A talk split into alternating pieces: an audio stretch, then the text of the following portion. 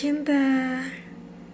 Masih bersama saya Risa Blue Safir Di ruang kontemplasi diri.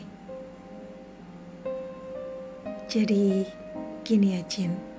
Tanggal 15 itu Seperti sebuah klik momen Atau apa namanya Saya seperti mendapatkan pencerahan Sehingga nggak tahu kenapa dalam satu hari, saya bisa sangat produktif menuliskan beberapa karya, terlepas karya tersebut merupakan karya yang dianggap baik atau tidak. Saya mengesampingkan itu semua. Kenapa? Karena fokus saya saat ini adalah bagaimana supaya saya bisa mulai menulis, gitu.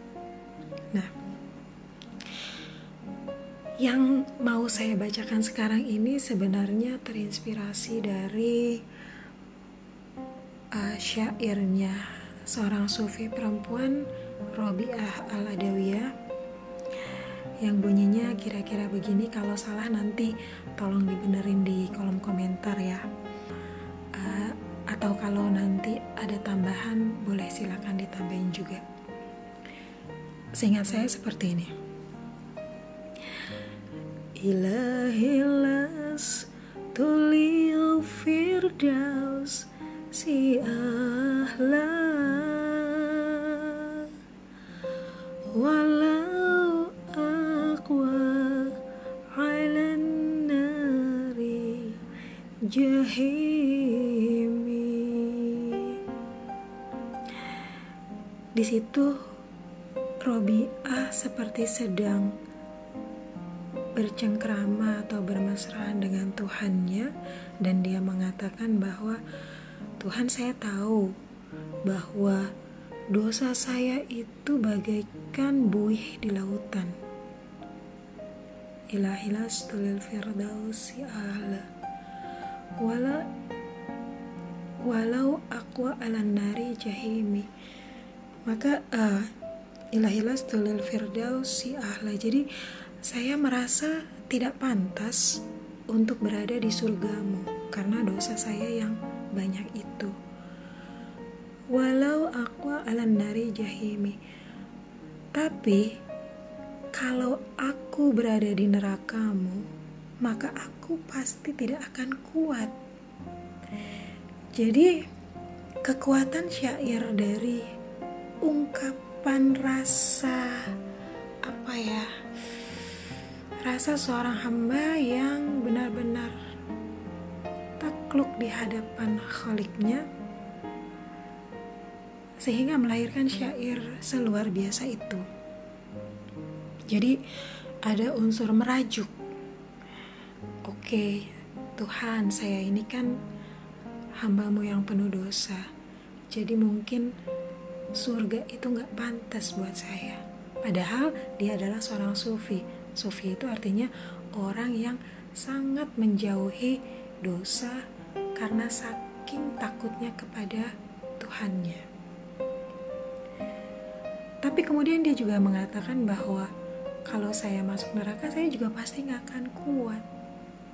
Jadi di sinilah letak permainan kata-kata dan uh, pergolakan batin dari seorang sufi Robiah Adawi, Al-Adawiyah itu. Nah, saat saya membuat uh, puisi ini, entah puisi atau sajak saya juga nggak tahu, tulisan ini gitu kali ya. Kondisinya adalah uh, masih pandemik, lagi agak masih rame banget soal pandemik dan saya sebagai seorang travel konsultan itu mendapatkan dampak yang cukup berat um, praktis sejak bulan Maret. Semua kegiatan traveling uh, janji-janji traveling dengan klien dan dengan partner-partner baik di dalam maupun di luar negeri otomatis cancel. Gitu.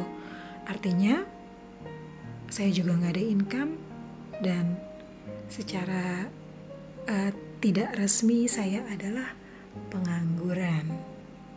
Oke, Kemudian saya menulis ini. Intinya sama. Saya juga merajuk. Saya merasa sedih.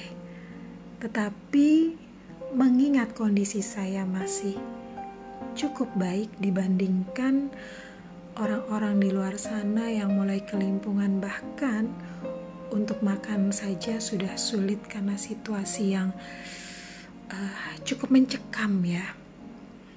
Yang tadinya kita bisa bebas beraktivitas lalu tiba-tiba menjadi boom. Segala sesuatunya unpredictable.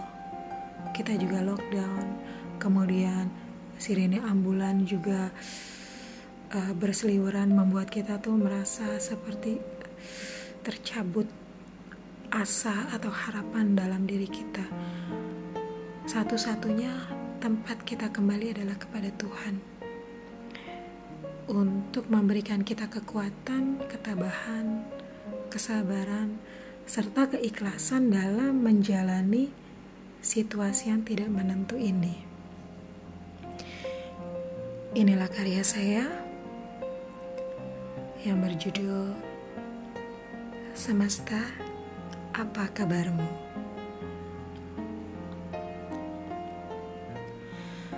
Aku tahu jika salah dan lupa adalah lemahku. Aku tahu jika harapan dan impian adalah asaku. Aku tahu jika rindu dan dendam adalah pedihku. Namun, Aku juga tahu Engkaulah penopang di saat lemah Menghampiri aku Engkaulah pemberi kemungkinan Dari segala kemustahilan yang membelenggu Engkaulah mahligai ternyaman pengobat lukaku. Wahai semesta, apa kabarmu? Di sini aku bersujud mengharap ridhomu. Ditulis di Cilangsi pada tanggal 15 November 2020. Jadi sesungguhnya perasaan saya pada saat itu adalah campur aduk gak karu-karuan. Ada rasa khawatir, ada rasa takut, juga ada rasa bahwa, hey, lo masih punya Tuhan lo. Tempat di mana lo bisa mengajukan permohonan perlindungan apa pun itu dalam bentuk doa. Jadi tetaplah berharap karena dalam situasi sesulit apa pun pasti akan selalu ada jalan keluar karena janji Tuhan dia tidak akan pernah memberikan cobaan di luar kemampuan hambanya. Thank you for listening. Terima kasih sudah mendengarkan. Selamat malam good people, selamat menikmati hari.